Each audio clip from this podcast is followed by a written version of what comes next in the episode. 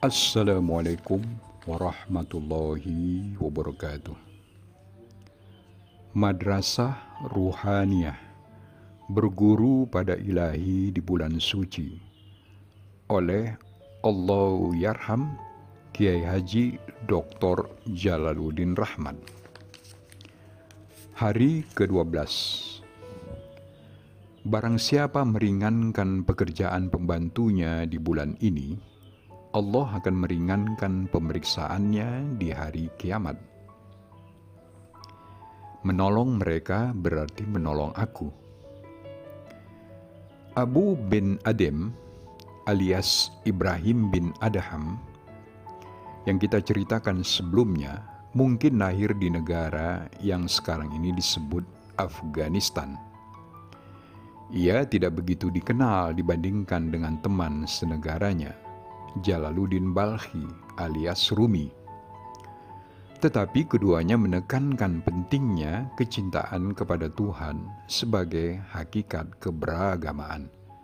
Bagi kita semua, Rumi mendendangkan lagu ini.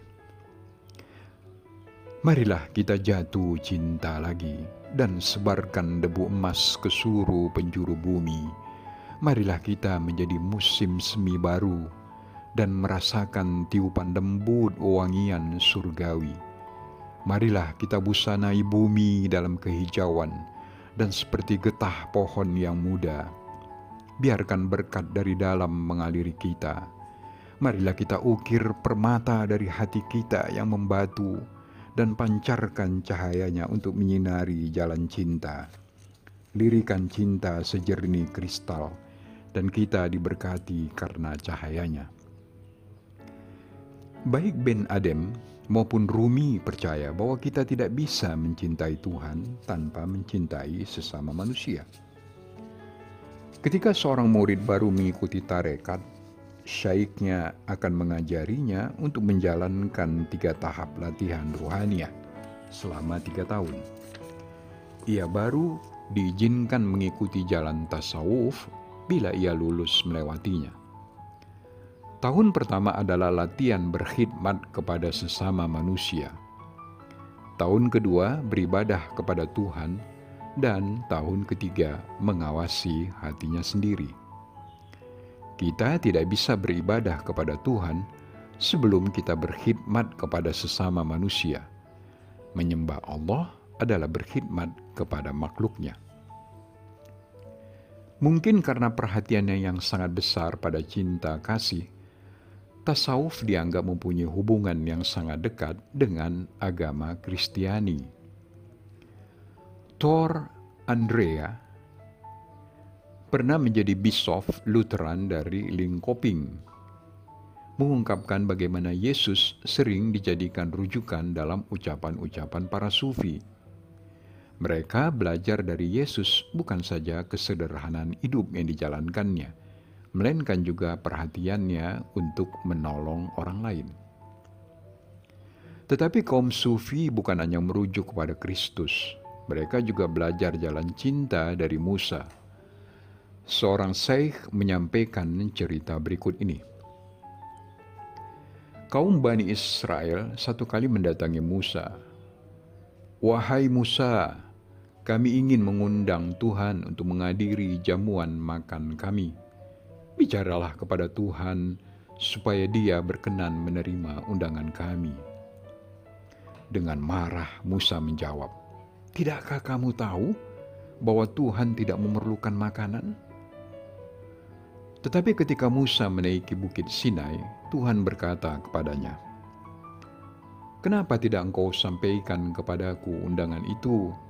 Hamba-hambaku telah mengundang aku Katakan kepada mereka, aku akan datang pada pesta mereka Jumat petang. Musa menyampaikan sabda Tuhan itu kepada umatnya. Berhari-hari mereka sibuk mempersiapkan pesta itu. Pada Jumat sore, seorang tua tiba dalam keadaan lelah dari perjalanan jauh. Saya lapar sekali, katanya kepada Musa. Berilah aku makanan. Musa berkata, Sabarlah, Tuhan Rabbul Alamin akan datang, ambillah ember ini dan bawalah air ke sini. Kamu juga harus memberikan bantuan. Orang tua itu membawa air dan sekali lagi meminta makanan. Tetapi tidak seorang pun memberikan makanan sebelum Tuhan datang. Hari makin larut dan akhirnya orang-orang mulai mengecam Musa yang dianggapnya telah memperdayakan mereka.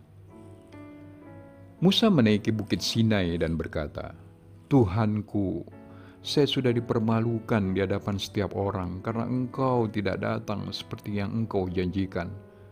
Tuhan menjawab, Aku sudah datang.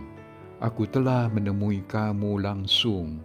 Bahkan ketika aku bicara kepadamu bahwa aku lapar, kau menyuruh aku mengambil air. Sekali lagi aku minta, dan sekali lagi engkau menyuruhku pergi baik kamu maupun umatmu tidak ada yang menyambutku dengan penghormatan.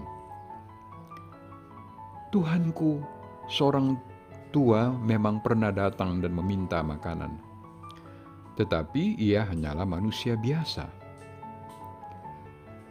Aku bersama hambaku itu, sekiranya kamu memuliakan dia, kamu memuliakan aku juga.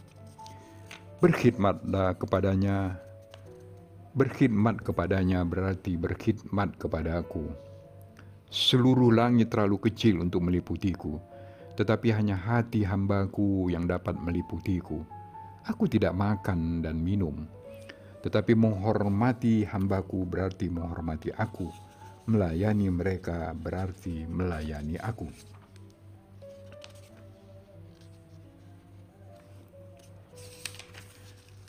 Ya Allah, Hiasi aku di bulan ini dengan jubah kesucian diri. Busanai aku dengan pakaian kecukupan diri. Tuntun aku untuk senantiasa adil dan taat. Selamatkan aku dari setiap ketakutanku dengan perlindunganmu, wahai tempat bernaung bagi mereka yang ketakutan. Wa ma taufiki illa billah alaihi tawakkaltu wa ilaihi unib. Wassalamualaikum warahmatullahi wabarakatuh.